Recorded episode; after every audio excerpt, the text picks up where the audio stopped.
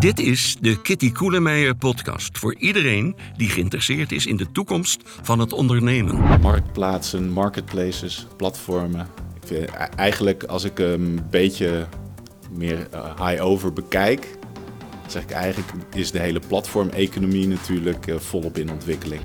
Met Uber aan de ene kant, eh, Airbnb aan de andere kant. En dan vind ik zelf eigenlijk de mooiste bewoording is dat de marketplaces zijn eigenlijk de platformen van de retail. Uh, misschien zorgt de metaverse er straks voor dat eigenlijk een stukje voice in adoptie eigenlijk gewoon overgeslagen wordt. Kan. Dat zou natuurlijk ook kunnen. Dan krijg je vanuit bol.com netjes uh, een penalty. Een soort uh, de gele kaart. Ja. Een, een, een, een, brief of, of, een geldboete? Nee, je krijgt in eerste instantie is gewoon een waarschuwing. Een mail. Ja. In deze aflevering gaat Kitty in gesprek met Emiel Valkenstein, Chief Commercial Officer van 10x Crew. Kitty spreekt met Emiel over marketplaces, hoe je een merk succesvol via platforms verkoopt, nieuwe shoppingkanalen en merkproducenten van de toekomst. Emiel Valkenstein is Chief Commercial Officer bij 10x Crew. Hij helpt samen met zijn bedrijf merken hè, om op platforms te gaan verkopen. Dat kunnen, dat kunnen de grote marketplaces zijn, maar het kunnen ook hun eigen webshops zijn. Emiel, je hebt zo'n tien jaar bij bol.com gewerkt. Ja, klopt. En uh, heel veel ervaring opgedaan met platforms. je bent ook de voorzitter van de expertgroep platforms bij Shopping Tomorrow. En uh, ja, het zijn wel vooral de merkproducenten waarvoor je werkt, hè? niet zozeer de retailers. Ja, klopt. We ja. zien met name dat de behoefte heel groot is vanuit merken om rechtstreeks naar die consument te gaan. En daarbij dat um, de eigen webshop veel gebruikt wordt, maar ook natuurlijk die, uh, die marketplaces waar eigenlijk al heel veel consumenten natuurlijk komen en winkelen. En de grote vraag is, waar gaat dat allemaal heen? Hoe gaat het landschap er over een aantal jaar uitzien? Maar eerst uh, bij het begin beginnen. Wat is nou de reden om op platforms te gaan verkopen? Waarom zou je dat willen als merk? Nou, uiteindelijk als je kijkt in de basis zijn merken ooit eens begonnen met het opzetten van uh, zeg maar de traditionele retail waardeketen. Dus zoveel mogelijk distributeurs, groothandels en retailers ertussen zetten om zoveel mogelijk consumenten te bereiken. Dat is nog steeds het doel, hè, zoveel mogelijk consumenten bereiken. Alleen de kanalen waar die consumenten op zitten, ja, die zijn natuurlijk veranderd. De consument is steeds meer naar online gegaan ja, waar zitten die consumenten online? Waar uh, shopt uh, één op de, ja, op de twee of, misschien, of volgens mij nog wel drie op de vier of misschien bijna heel Nederland shopt op een bol.com. En dan zie je als merk zijn dat je denkt van ja, als mijn consument daar aanwezig is, dan wil ik daar eigenlijk ook zijn.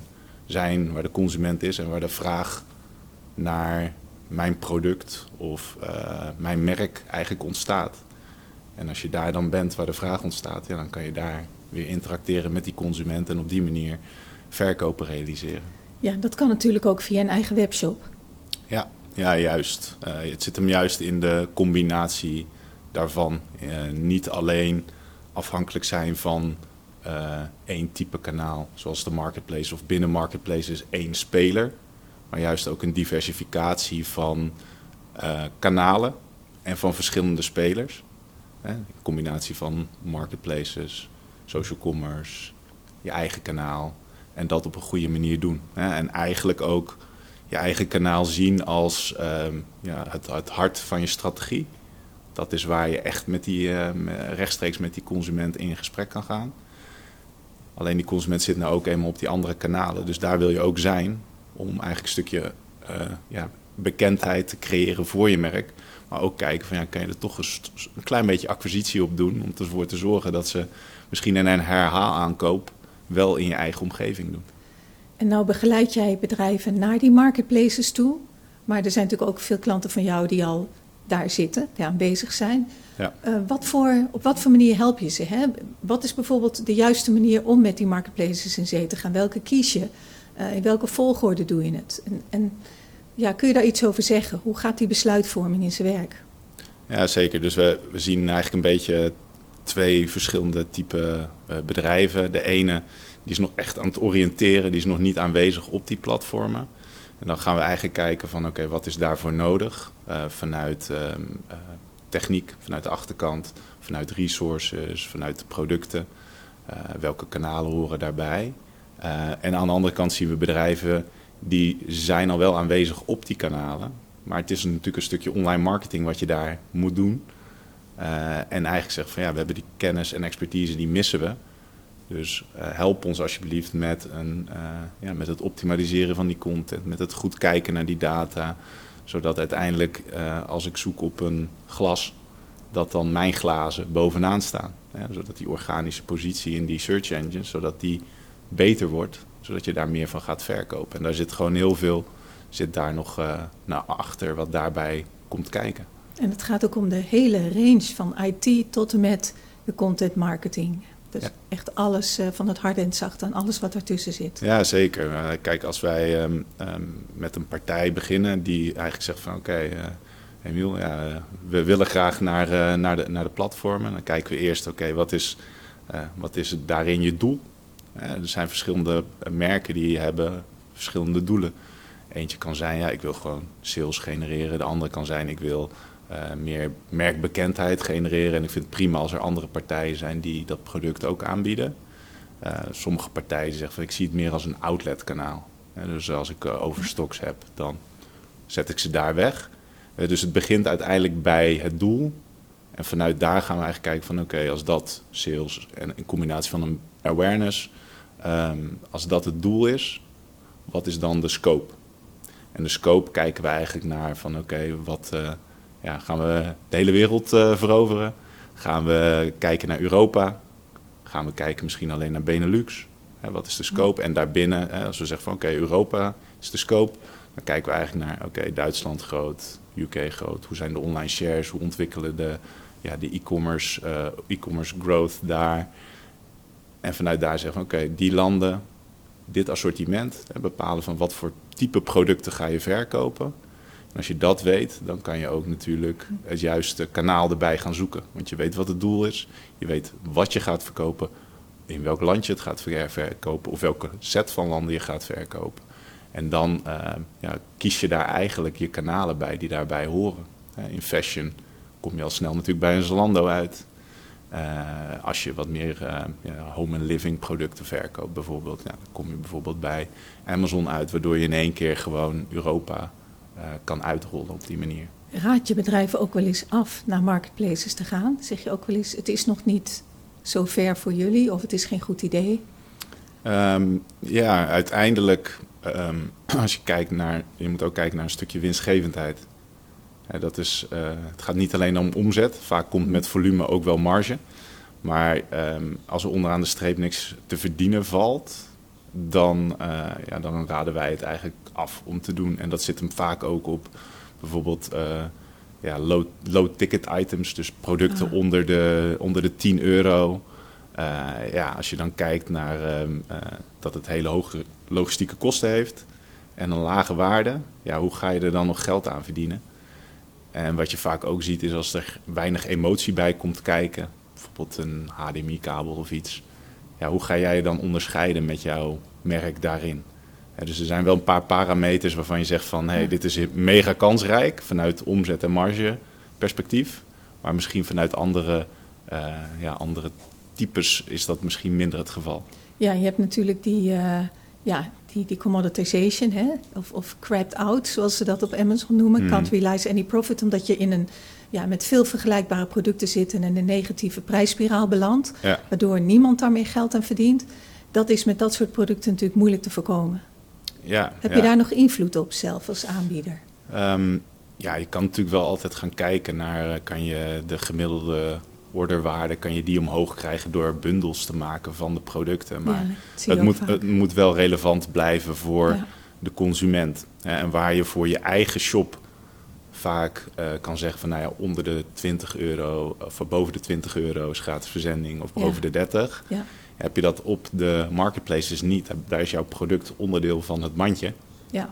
En ja. moet je uh, ook daarop die winst realiseren. Want in je eigen shop kan je ook nog zeggen van... oké, okay, ik zet die, die drempel die zet ik op 20 of 30 euro. Nou, dan komt het sowieso beter uit. Maar ik geef nog een, een hele hoge discount. Want ik weet als die eenmaal iets gekocht heeft... dan vang ik hem in mijn, uh, ja. in mijn mar online marketing... En dan ga ik meer sturen vanuit customer lifetime value. Van wat, wat gaat die klantwaarde mij op de lange termijn over een aantal jaar brengen als ik weet dat hij eenmaal iets bij mij gekocht heeft. Dan mag zeg maar, je, je acquisitiekosten om een klant te werven, mag best wel, uh, mag best wel wat kosten natuurlijk. Ja, en die, die, die informatie heb je niet, hè, die data, als je op, eenmaal op een platform marketplace zit. Nee, nee. Dan is je, je customer lifetime value, de hele CRM, een stuk moeilijker, denk ik. Ja, ja, die data is, uh, is nog niet beschikbaar. Zou wellicht een interessante zijn. Ja. Wellicht dat het in de toekomst wel, uh, ja. wel mogelijk gaat zijn. Waardoor, uh, waardoor dat ook interessanter wordt voor verkopende partijen. Om misschien ja, op een eerste sale een klein beetje verlies te maken. Omdat je weet dat uiteindelijk die consument terugkomt. Ja. Maar nu is het eigenlijk vrij plat als die consument op een, op een bol.com komt en die zoekt op glas en die koopt de ene keer jouw glas. En die komt nog een keer op bol.com ja, dan, uh, en hij zoekt weer op glas. Hij wil niet zeggen dat hij jouw glas dan weer koopt natuurlijk. Nee, dat klopt. En, en soms is hij zich niet eens bewust van wie de leverancier is. Hè? Nee. Of überhaupt het merk natuurlijk, wat, wat voor merk het is. ja. En daar kom ik straks nog wel even op terug. Maar eerst even, als je op een platform wil verkopen, hè, marketplace. Gebruik je die termen door elkaar of heb je het echt over marketplaces? Ja, uh, marktplaatsen, marketplaces, platformen. Ik vind, eigenlijk als ik een beetje meer uh, high-over bekijk, zeg ik eigenlijk is de hele platformeconomie natuurlijk uh, volop in ontwikkeling. Hè? Met Uber aan de ene kant, ja. uh, Airbnb aan de andere kant.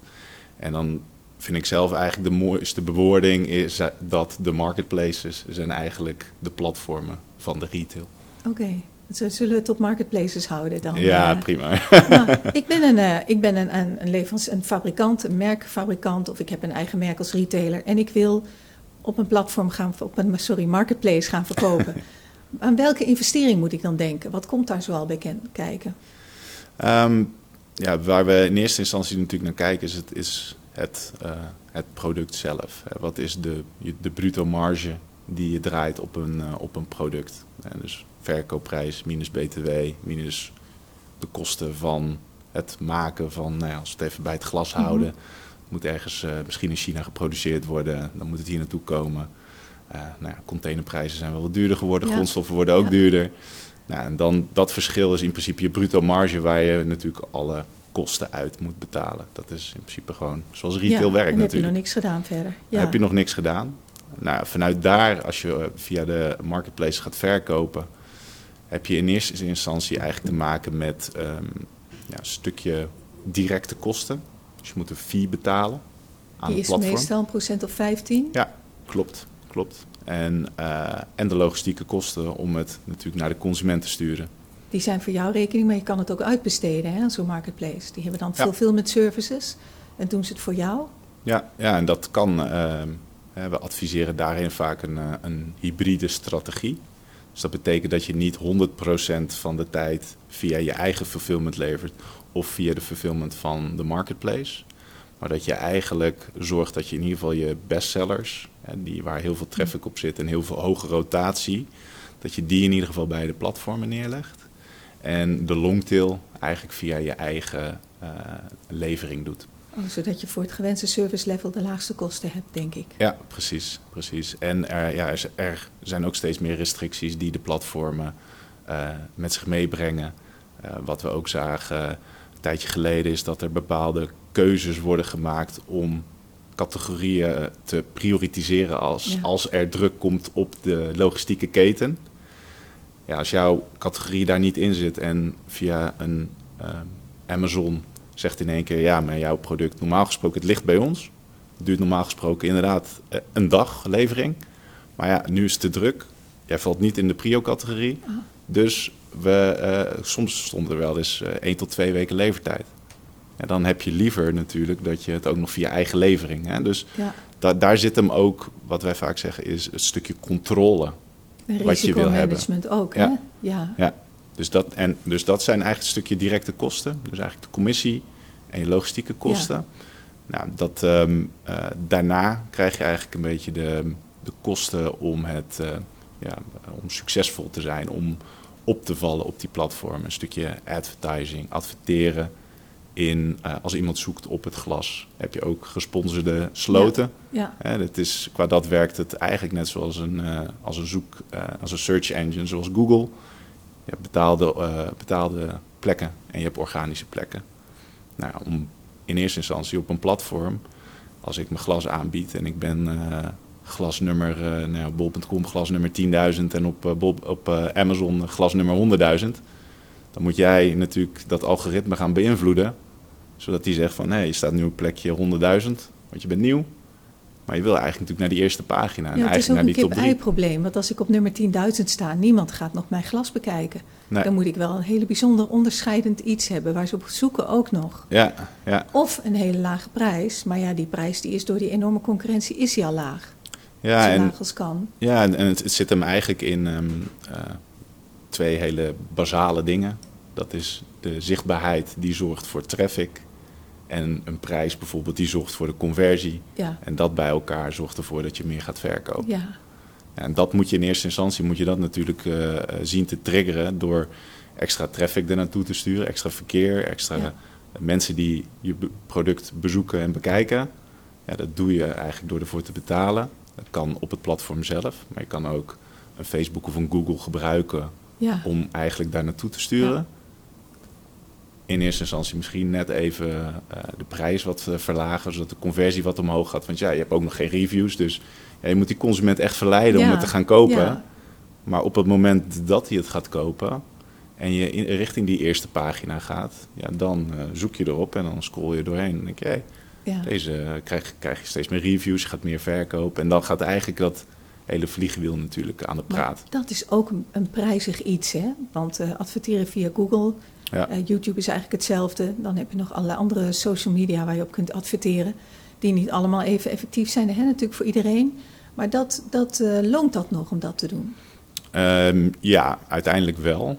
Ehm, met name als je het eh, benadert vanuit een iets langere termijn perspectief. Maar dat is toch het idee dat klanten dan blijven, dat ze trouw zijn. Of dat jouw, jouw hoge positie je steeds meer brengt. Ja, dan moet uit- je wel steeds adverteren ook. Eh, ja, alleen in het begin heb je een hogere percentage van je omzet. Eh, kan je Ja. zeggen van, nou ja, in het eerste jaar ga ik 20% van mijn omzet, van, mijn, van wat ik geprognotiseerd heb dat ik qua omzet ga doen, ga ik investeren in advertising. Dat is een, een typisch getal. Dat, dat is Ja, een- ongeveer. representatief. Ja. Ja, ja. zeg ergens tussen de 15 en 20 procent.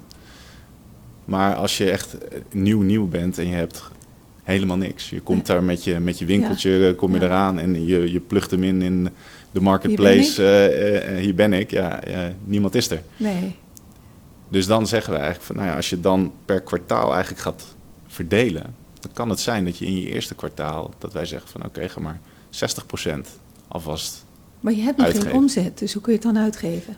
Nou ja, omdat, je, omdat omzet. ja, precies. Dus je zegt dat je in een jaar tijd een, een miljoen euro omzet wil eh, realiseren. En zegt van nou in het eerste kwartaal waarschijnlijk nog niet, eh, waarschijnlijk twee ton. En in het laatste kwartaal doe je waarschijnlijk zes ton. Als je dan het eerste kwartaal eh 60% van die twee ton uitgeeft.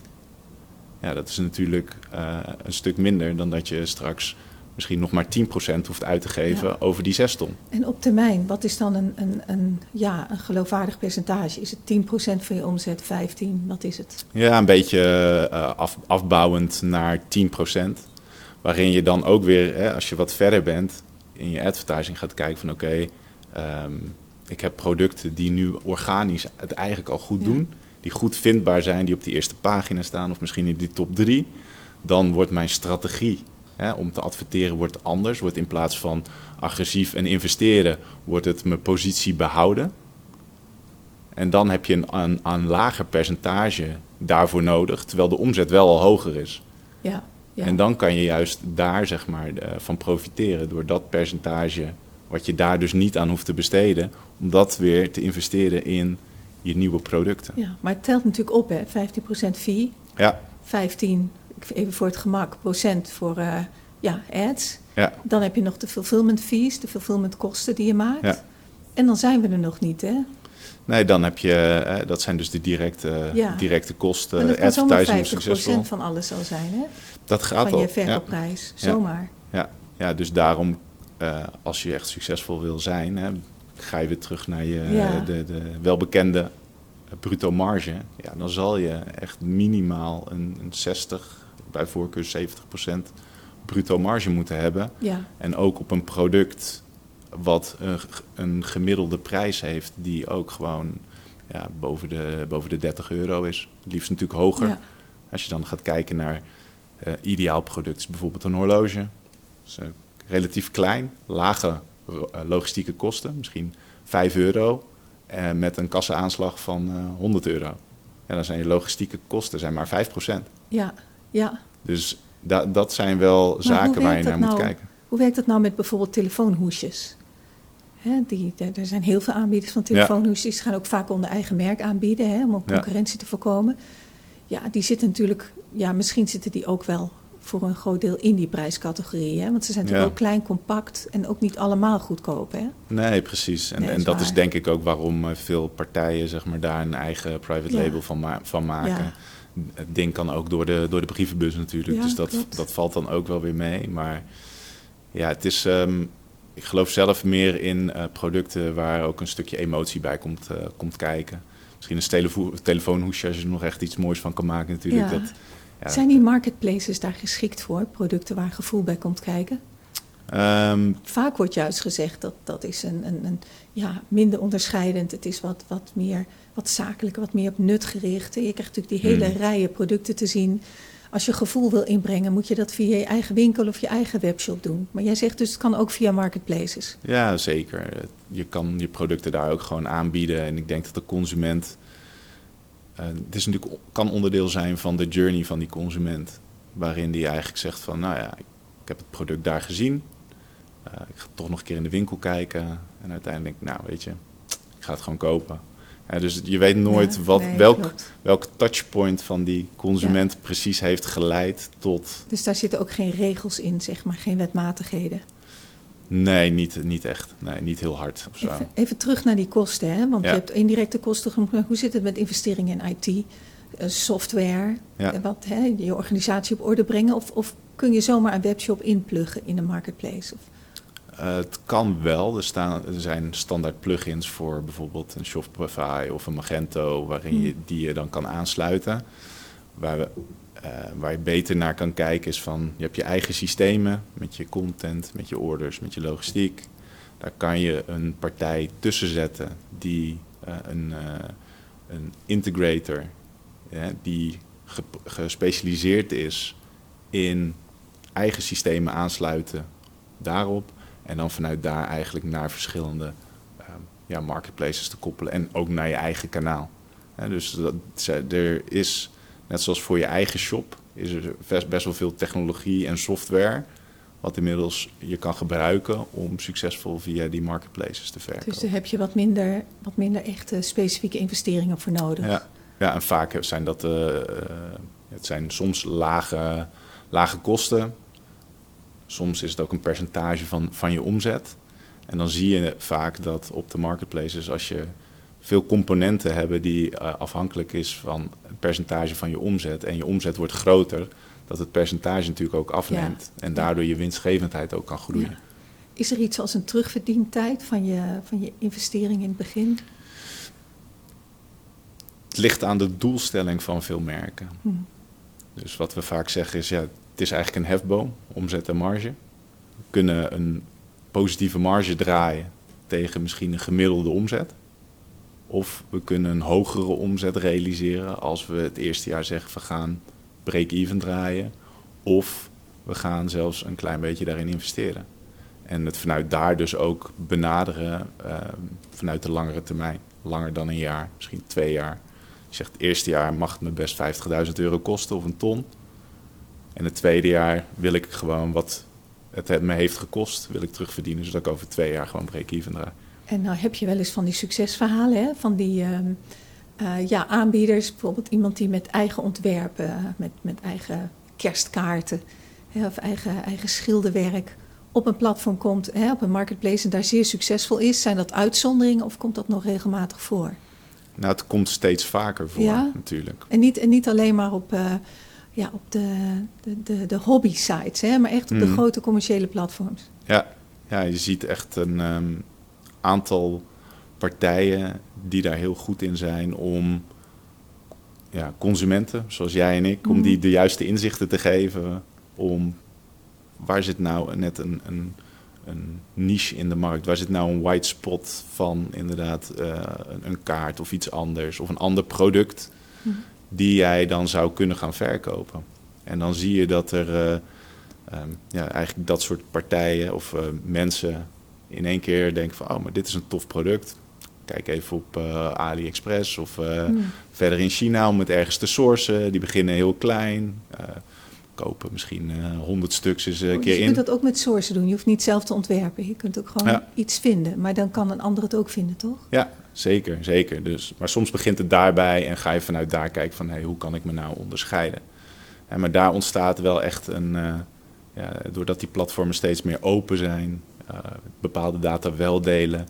bepaalde software ook je uh, weer inzichten kan geven in waar, waar liggen interessante producten en hoe kan ik dat ontwikkelen. Um, ja, daar ontstaat echt een hele uh, markt omheen aan een uh, soort van Amazon native brands die daarop zijn, uh, ja, succesvol zijn geworden. Heb je een idee hoeveel procent van de omzet van Amazon dat bijvoorbeeld is, dat soort uh, brands?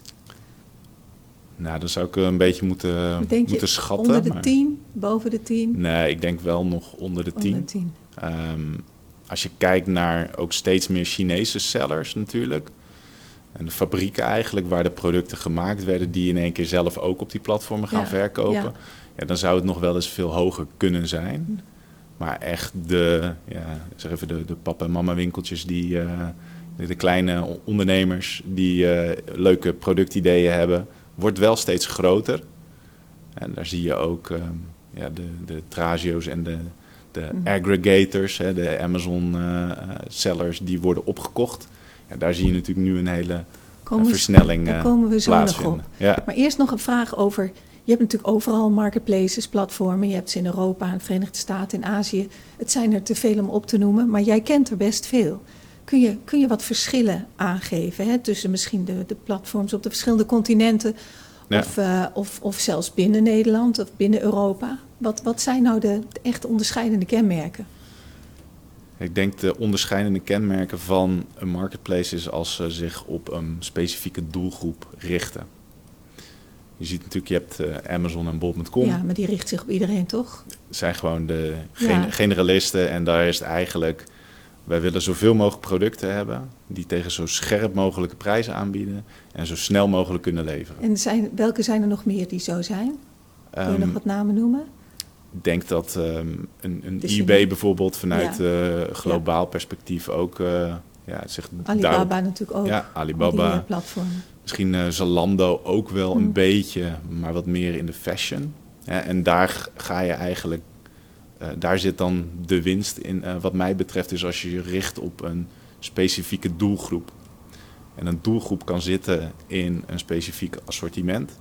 Uh, bijvoorbeeld in Frankrijk heb je Mano Mano, wat echt in de do-it-yourself, in de, de, tuin- en klusindustrie, ja. daar zich echt op focust. Hoe ziet die journey eruit? Niet Net alleen... zoals House hè, in de Verenigde Staten. Ja, ja, ja, ja. En, en niet alleen richten op zoveel mogelijk assortiment, maar hoe ziet die hele journey eruit? En hoe kunnen we vraag en aanbod over die hele journey bij elkaar brengen op product, op service.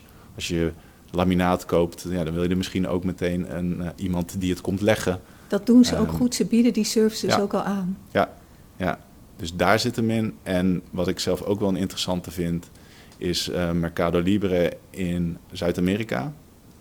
Wat doen die? Die is eigenlijk ook een marketplace die gewoon in Zuid-Amerika veel groter is dan Amazon in Zuid-Amerika.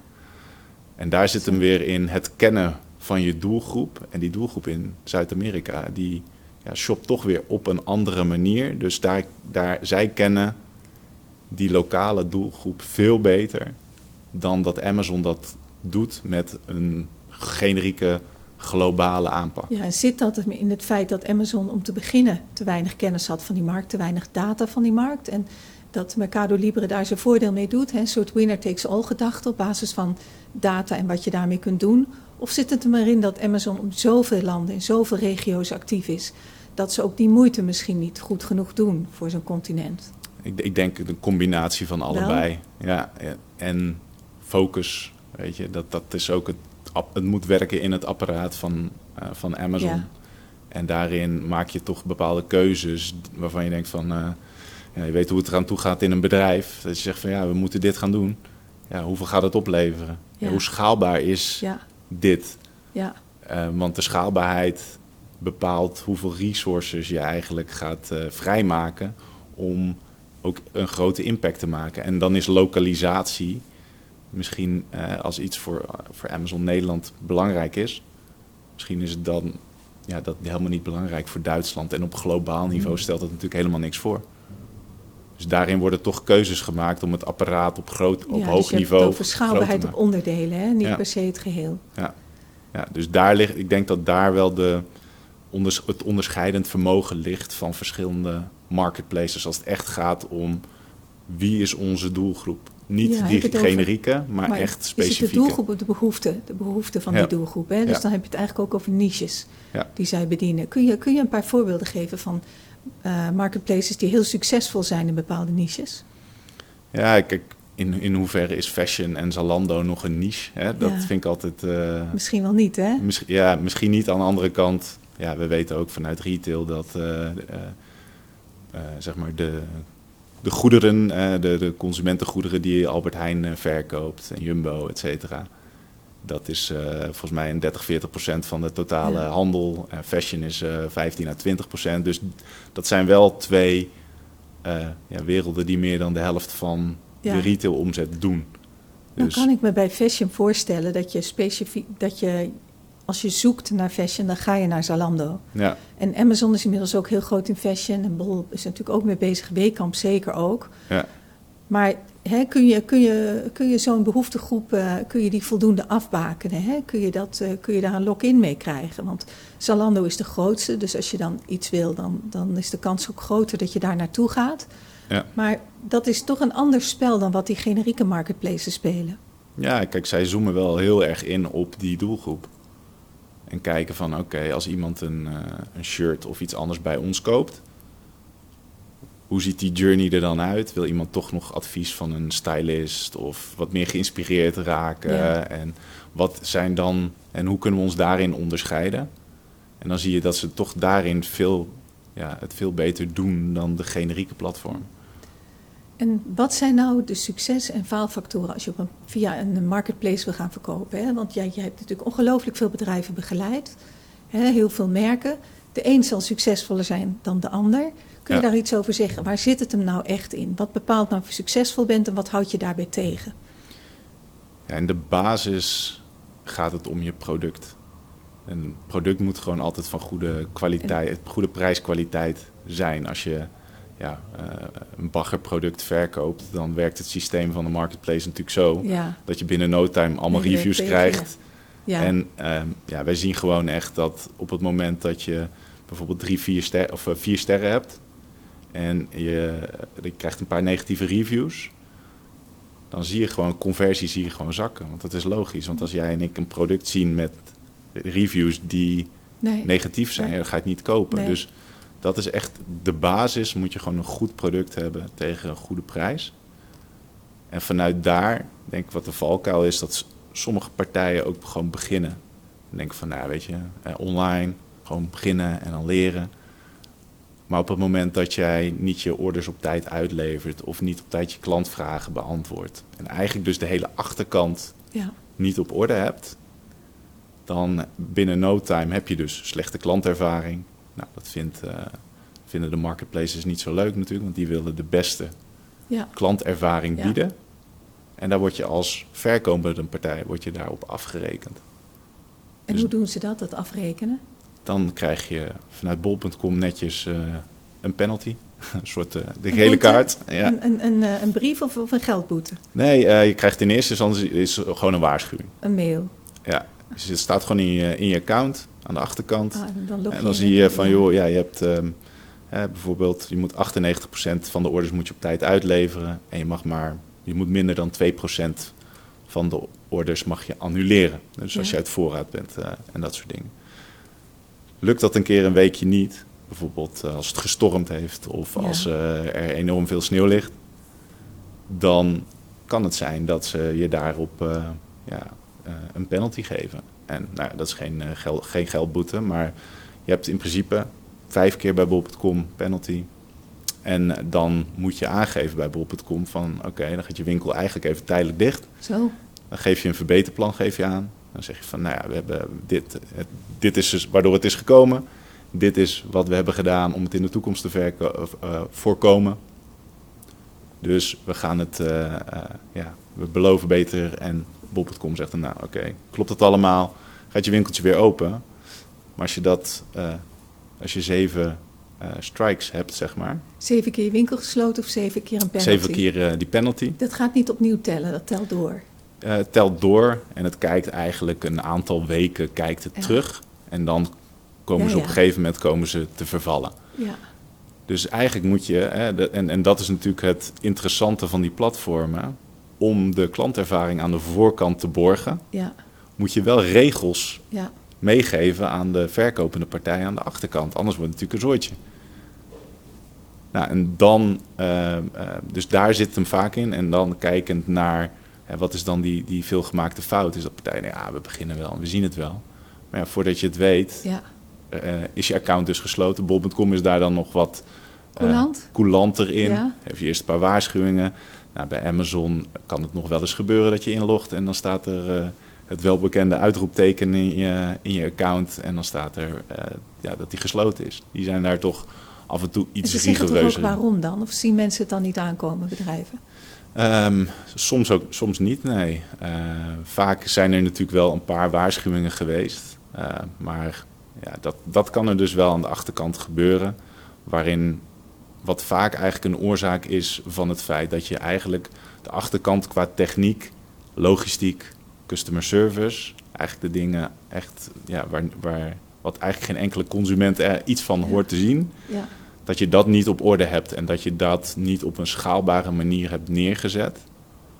Want als jij op uh, alleen bol.com verkoopt, ja, dan is het nog redelijk uh, gekaderd.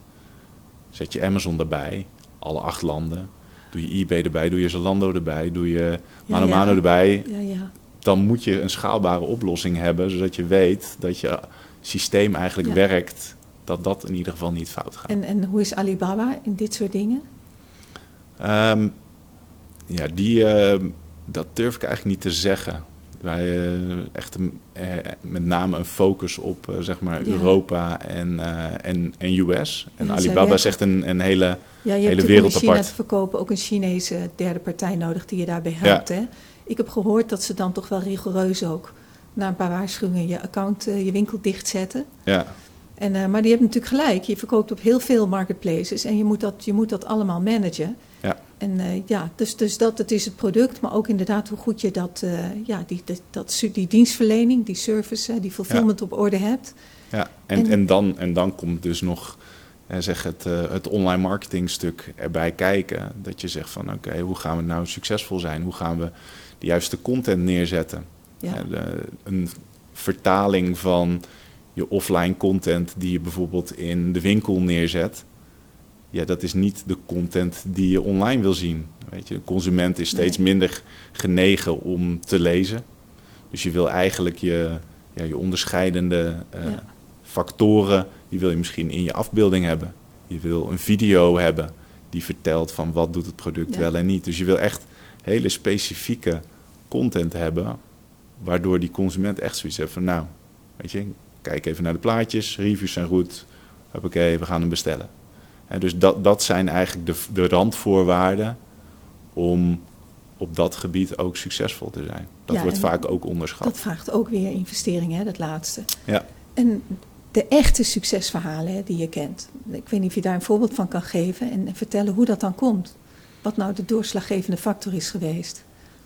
Het zit hem ook in hoeverre is het product en de categorie, eh, hoe hard groeit die online. Het is natuurlijk Oh, Dat je makkelijker. gewoon meelift met de markt als het ware. Het is natuurlijk makkelijker om in, met een product in een groeiende categorie om dan eh, mee te groeien dan in een Ja. categorie die minder hard Ja. gaat. Geef eens een voorbeeld wat, eh, Ehm, van, een, van een, een, merk wat jij begeleid hebt, wat, wat echt profijt heeft gehad van die marktgroei.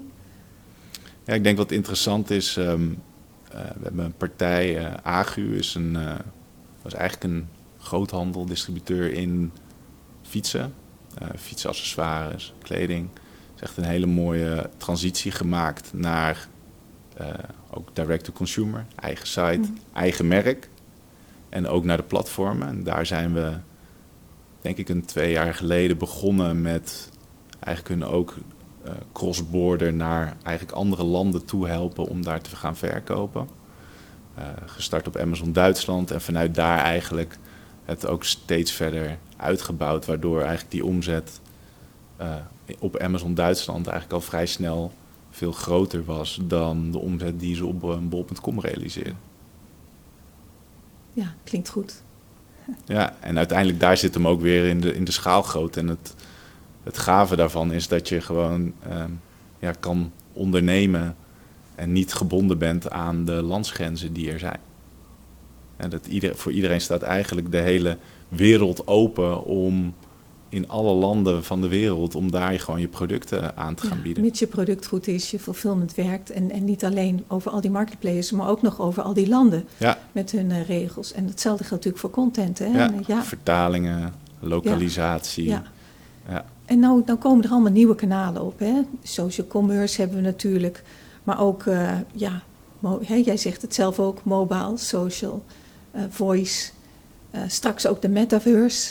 Ja. Wat, wat, wat zie jij gebeuren in, in die kanalen? Gaat er een verschuiving optreden van de marketplaces zoals wij die kennen? Is natuurlijk al een beetje richting social bezig. Maar hoe zie jij dat gebeuren? Het is natuurlijk een hele interessante ontwikkeling. We zitten nog in een generatie dat we weten hoe het was om alleen uh, offline te winkelen. Zeg even analoog. Ja. Naar uh, transitie naar online, waarin uh, ja, je nog moest inbellen. En je dan eigenlijk alles via even de, de desktop aan het bestellen was. Nou, dan zie je natuurlijk nu het, het, de verhouding tussen desktop en mobile zie je al ja, want enorm toen verschuiven. Er, toen waren er ook niet zoveel mensen die online uh, kochten. Hè? Ik bedoel, nee. toen dat met dat inbellen en die modems. En nee, nee. Wie deed dat, dat toen? Nou ja, niet, uh, niet heel veel. werd in ieder geval niet heel veel gekocht inderdaad Nee. online. Ja, de welbekende partijen die als boekenwinkel zijn begonnen ja, ja, natuurlijk. Die wel hè. natuurlijk, ja. Maar Ja. ehm, ja, en de, de vraag is, gaat dat nog verder opschuiven naar een metaverse-achtige omgeving? Ja, waarin... wat, hoe zie je dat voor je? Hè? Want die kanaalentwikkeling, hè? laten we Mm. even voor het gemak zeggen analoog, hè? Fysieke, fysieke verkooplocaties, de winkels, eh, de, de, de, de webshops, platforms, marketplaces. Nou, dan heb je verkoop via Pinterest, Instagram, al die social Ja. media. Je, je hebt in de Verenigde Staten heb je natuurlijk nog wel voice, hè?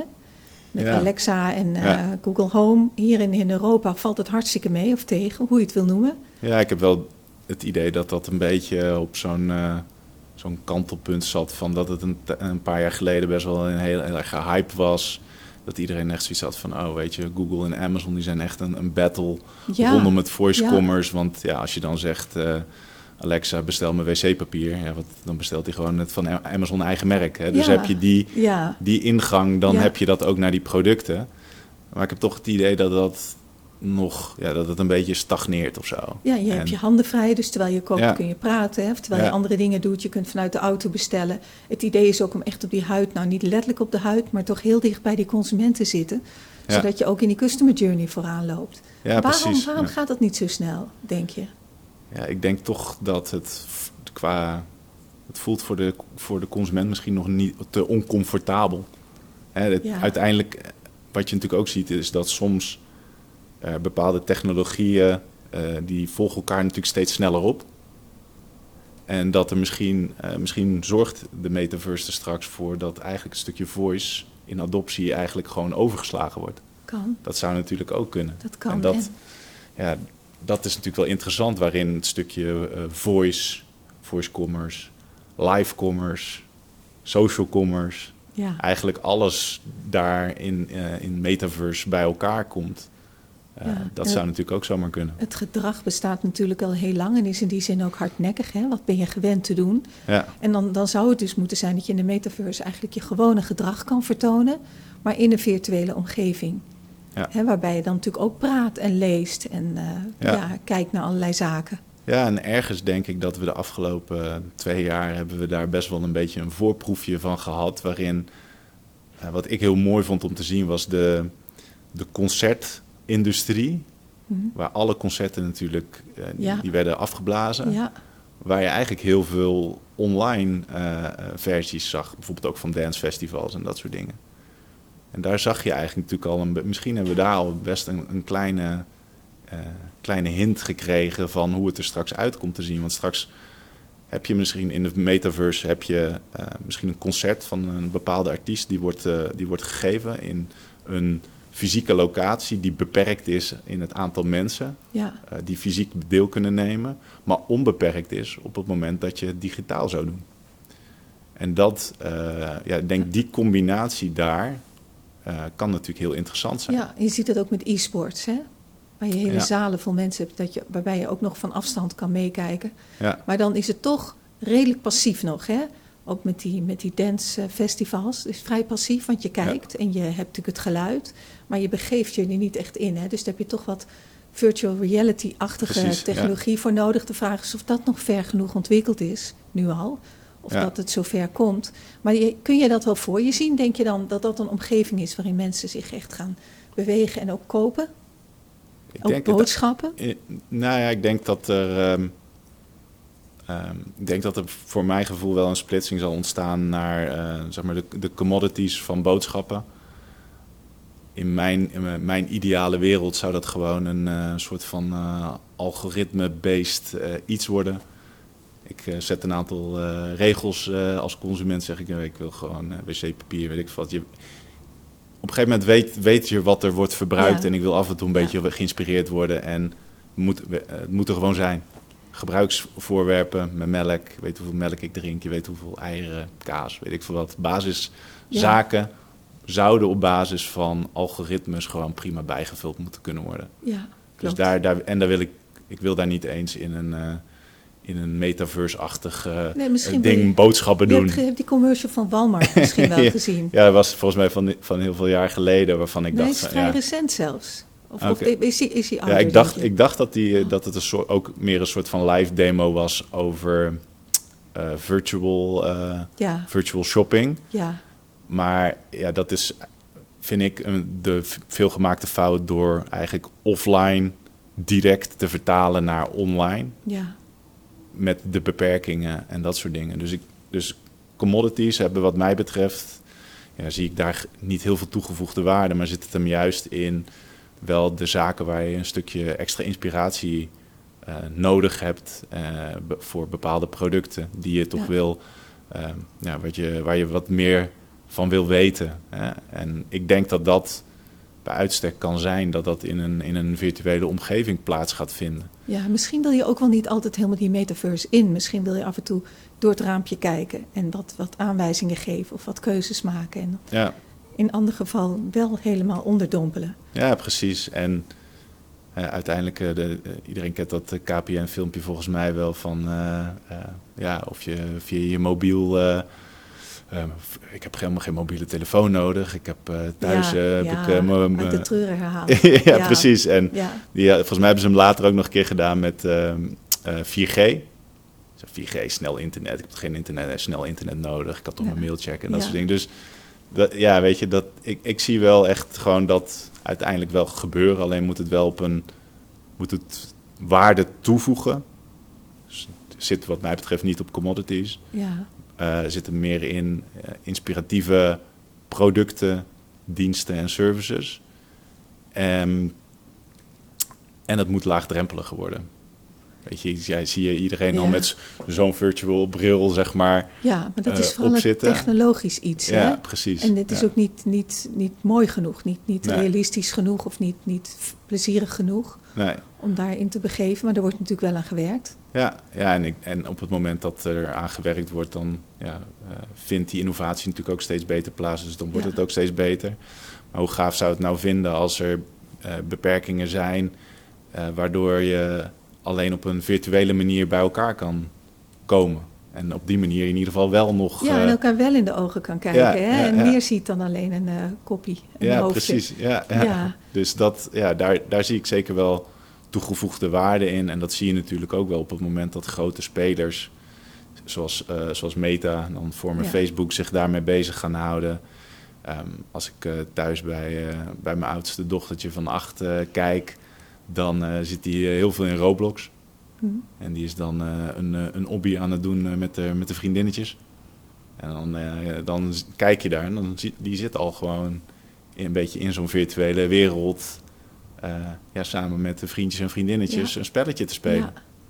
Dus ja, En, en daar zitten weer andere partijen achter. En ja, daar, daar gaat nog wel het een en ander gebeuren, waardoor dat ook in een stroomversnelling. En dat wordt dan ook natuurlijk gedrag. En soms is het inderdaad ook een, een generatie, een cohort-effect bijna. dat, dat op het moment dat je, dat je echt opgroeit met dat soort dingen, is het heel normaal om dat te, blijven doen en uit te breiden. Terwijl als het nieuw voor je is, dan uh, is die stap ook veel groter. Ja, ja en ik denk toch dat uh, het steeds makkelijker wordt voor bepaalde generaties om sneller uh, adoptie voor bepaalde ja, diensten of dingen uh, dat te denk hebben. ik ook. Maar het begin is natuurlijk al beter. Als je natuurlijk met, ik noem maar wat, virtual reality, met onhandige bril, met slecht beeld, en daarmee begint, dan, dan blijft jou bij. Ja, dit is eigenlijk niks. En het, zal, hè, het, is, het is bij lange na niet zo goed als het kan zijn. Dus dat, die eerste indruk blijf je dan toch bij. En dan moet je toch veel ervaring opdoen met nieuwe producten voordat je over de, over de drempel gaat. Ja, en, en ook echt iets toevoegen qua waarde.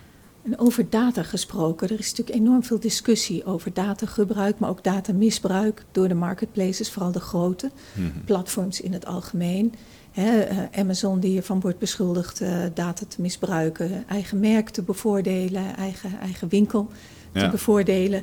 Uh, Bol.com die zegt, die zegt dat ze dat niet doen. Hoe zie jij die ontwikkeling? In hoeverre gaat dat remmend werken op de grote marketplaces of vergroot het juist hun voorsprong? Nou, ik vind het wel goed als het platform ervoor kiest om de regisseur te zijn van het vraag en het aanbod en niet te acteren als aanbieder op het platform. En toch doen ze dat vaak wel. En dan zeggen ze niet allemaal natuurlijk, maar het argument is natuurlijk vaak: mijn, mijn aanbod is niet volledig genoeg hè, zonder mijn eigen winkel. Nee, eens. En wat bol.com dan doet, is die, geeft, die zegt dat eigenlijk, die ziet dat ook. Ja. Alleen die geeft dat weer terug aan zijn verkooppartners. Kom maar met dingen die ik heb en die jij, hè, die jij nog niet hebt. En, Precies, uh, die zegt gewoon hier wordt er heel veel op gezocht. En is eigenlijk het aanbod nog te beperkt. En waar andere partijen dan zeggen van oké, dan gaan wij daar een eigen private label van maken vanuit ons, onze marketplace. Zegt bol.com eigenlijk, we, geven het gewoon aan, uh, aan de verkopende partijen, zodat die eigenlijk die gaten kunnen gaan invullen. En ja daarin zie je ook, volgens mij was het in uh, India, dat Amazon ook daar uh, ja, eigenlijk niet volledig mocht uitrollen, omdat zij eigenlijk in de wet hebben opgenomen dat een platform gewoon een platform moet zijn. Dus dat in de basis is dat natuurlijk wel, wel sterk. Um, zeker als het gaat om de hoeveelheid data die zij natuurlijk ter beschikking hebben aan, aan, de andere kant heb je natuurlijk ook, ehm, als je de supermarkt inloopt bij een Jumbo of een Albert Heijn, zie je natuurlijk ook superveel eigen merken. En werkt het eigenlijk ook wel weer uh, disruptief voor merken om te zeggen van oké, ja, of het nou eh, de marketplace zelf is die de data gebruikt, misbruikt. Ja. Uh, of in ieder geval ervoor zorgt dat het product wat ik aanbied eigenlijk in de groep van alle producten die er aangeboden worden, in die 10.000 glazen, dat zij daar data uithalen van zeggen van hé, hey, maar we moeten net een, het glas is nu 1 mm, maar de consumentenbehoefte uit de reviews blijkt dat het 5 mm en het moet uh, iets meer vierkant uh, met bolletjes zijn, et cetera. Ik denk dat zij misschien iets meer data hebben. Dan de supermarkten. Ja. En, en dat heel veel mensen zoals jij en ik ook gewoon dat in kunnen zien. Jij kan ook gewoon naar die productpagina van Mijn Glas gaan en in de reviews lezen wat er aan de hand is. En op basis daarvan een stukje innovatie doen. Je noemde het daar straks al even, de aggregators. Ja, ja. Nieuwe partijen. Misschien even goed om dat te bespreken, want misschien is dat wel hè, de, nieuwe, de nieuwe werkelijkheid waar we naartoe gaan. Um, kun je er iets over zeggen? Ja, het is natuurlijk een hele interessante ontwikkeling die daar voor degenen die nog niet weten wat aggregators zijn. Ja, dus dat zijn eigenlijk de bedrijven die um, ja, eigenlijk in, de, in hoe, ze het, hoe ze het nu noemen, de Amazon FBA sellers. Wat is kopen. FBA? Dus Amazon FBA betekent fulfillment by Amazon. Dus Ja. partijen eigenlijk die heel goed gebruik maken van het Amazon ecosysteem. En dat eigenlijk ook als een, ja, hun belangrijkste kanaal zien in de basis. En wat doen die aggregators? Kopen ze die bedrijven of kopen ze andere bedrijven en brengen ze ze in bij Amazon? Nee, ze kopen dus bedrijven die al succesvol verkopen via Amazon. En dan heten ze bijvoorbeeld een Amazon aggregator. Ja, ja een voorbeeld daarvan is bijvoorbeeld eh, eh, Trazio, Berlin Brands Group. Die hebben eigenlijk gezien eh, dat er een hele markt is aan kleinere, kleinere merken. Sommige doen gewoon echt al miljoenen eh, eh, omzet. ehm, die heel interessant zijn om opgekocht te worden. En op die manier eigenlijk bou- bouwen ze een nieuw merkenhuis. Een soort nieuwe Procter Gamble worden ze dan. Ja, ja, ja. En waar zij natuurlijk super goed in zijn, is het spotten van wat zijn de groeimarkten, wat zijn de merken, waar ligt de toegevoegde waarde. Oké, dan is dat een interessant merk. Ze hebben inmiddels eh, gigantische fundings hebben ze opgehaald. Ja, Dus hebben- miljarden, hè? ja, ja, volgens mij heeft Trazio inmiddels iets van 4 miljard eh, euro funding opgehaald. Ja, ik, ik, Berlin Brands Group, die eh, hebben 300 miljoen omzet en een miljard funding. Ja, En dan heb je ehm Heyday, meer dan 10 miljard waardering. Purge, een- meer dan 1 miljard opgehaald. ja. Dus dat, dat gaat echt ergens op lijken dan, hè? Dat is eh, vrij eh, fors. Ik denk dat dat eh, een oorlogskas is waar menig ja, gevestigde naam Ja, denkt van... hé, hey, dat hadden wij die gehad. Dan, maar, maar zij kopen dan, het het is heel vaak gericht op Amazon, hè? maar het kan natuurlijk, omdat Amazon natuurlijk een enorm groot platform is in de westerse wereld. Maar je, je koopt dan die merken op die, die succesvol al zijn.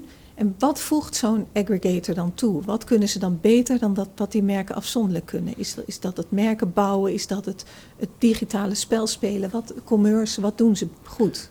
nou, zij snappen eigenlijk wat erbij komt kijken... om dat merk ook dan eh, op te schalen. Op te schalen in het aantal kanalen. Eh, dus het kan zijn dat een partij gewoon begint op, eh, op Amazon, succesvol is. Dat zij eigenlijk zeggen in US, oké, we brengen je ook naar Walmart, brengen je ook naar Europa. Alle verschillende kanalen, combinatie met eigen shop. Hè, en vanuit daar misschien zelfs naar de Ja. offline winkels. Hè, dus zij, zij bieden die mogelijkheid vanuit strategie, executie om dat te doen.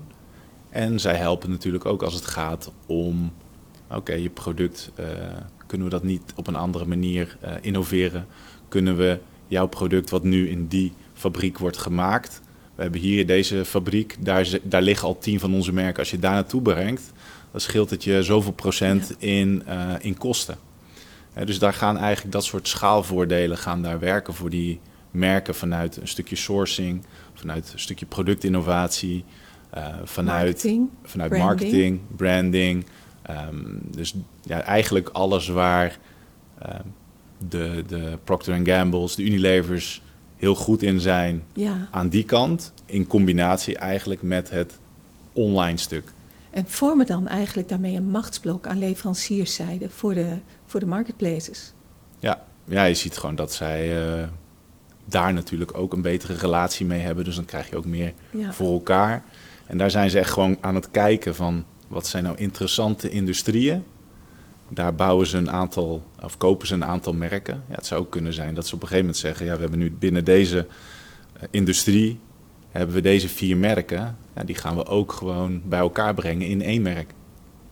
Ja, dus dat je daar eigenlijk. eh, ja, het, brandingspel Ja. spelen ze. Hè? Dat. Wat natuurlijk die, die, die, die oude hè, food- en beverage multinationals zo fantastisch goed konden. Ja. Dat kunnen zij ook met dan nog, nog wat extra's. Precies, En precies. ze krijgen ook de kans om dat te doen. Hè? Ja, het is, het is ergens weer heel interessant hoe er dus hele nieuwe bedrijven ontstaan. Weet je, een Trazio is volgens mij in, uit 2016. Hè, dus gewoon vijf, zes jaar oud. Inmiddels al 4 miljard eh, funding opgehaald. Ja, waarom, zijn, waarom eh, zien we dat niet vanuit een Procter Gamble of een Unilever of, Ja. of dat soort partijen? Waarom? Ja. En eh, daar, daar verwacht ik nog wel dat zij ook gaan kijken van... hé, hey, wacht even, de traditionele manier hoe wij merken aan het bouwen waren... en daar zie je al wel een klein stukje innovatie eh, eh, volgens mij twee jaar geleden had Diageo het Aviation Gin van Ryan Reynolds overgenomen.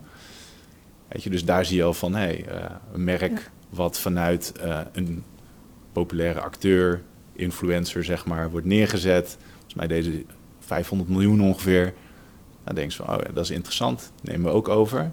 Dus daar zie je, zie je al wel een stukje innovatie qua dat. Ja, dit belooft gewoon heel veel voor de toekomst. Er gaan gewoon heel veel interessante dingen gebeuren. Maar tot die tijd, jij ben, je, ben je nou een ondernemer of vooral een manager? En hoe zie jij jezelf, Emiel? Um, ik denk met name gewoon een ondernemer.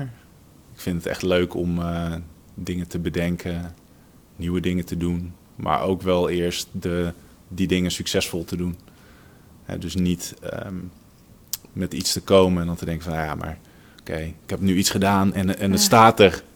En uh, volgende, het volgende nieuwe, nee, ik wil het neerzetten. Uh, alles eraan doen om het succesvol te laten zijn. En dan ondertussen word je dan wel weer getriggerd door... Hey, maar als we nou ook nog, nog dit eraan toe zouden voegen of dit eraan toe zouden voegen. En daar continu mee bezig zijn om dat, ja, die, die waarde, die toegevoegde waarde te leveren voor, uh, ja, voor een bepaalde doelgroep. Ja, dan zit je ook in, in het domein waarin het echt niet ophoudt. Hè. We zouden nog uren over kunnen doorpraten. ik wil toch afronden, want we vragen altijd naar tips, advies voor jonge managers en ondernemers. Heb je er een paar? Um, ja, of één hele goede mag ook. Eén hele goede. Ja, ik denk dat het, het, als je zelf echt ergens van overtuigd bent, dan zeg ik altijd van joh, ga er gewoon voor. Ga het gewoon doen. Ga het uh, ontdekken. Uh, en uh, ook al zijn er andere mensen of beperkingen die zeggen van ja, maar ja, is dit nou zo'n goed idee? Dan alsnog gewoon, ja, ga ervoor. Weet je, wat, wat kan het in, uh, in een paar maanden of in een jaar, wat is een jaar in een mensenleven om gewoon ja, dat wat, jij voor ogen hebt, om dat neer te gaan zetten. Als ik uh, uiteindelijk uh, niet bepaalde keuzes had gemaakt in mijn carrière om op een gegeven moment bij Bol.com te zeggen van nee, ik zie een andere gave uitdaging. Vanuit daar weer hier eigenlijk het ja, het domein rondom de marketplaces, om daar echt in te geloven en daarvoor te gaan. Ja, dat geeft zoveel uh, energie om daarmee aan de slag te gaan, te kijken of dat het lukt. En ook niet zomaar ja, op te geven, want het geluk ligt vaak net iets verder dan de eerste of tweede teleurstelling. Dat is een hele mooie uitspraak. Dankjewel, Emiel Valkenstein. Fijn dat je er was. Ja, graag gedaan. Dit was de Kitty Koelemeijer podcast. Als je dit gesprek interessant vindt en vaker dit soort gesprekken wilt zien of horen, druk dan op die bekende knop. Want dan weet je één ding zeker: de podcast van Kitty wordt vervolgd.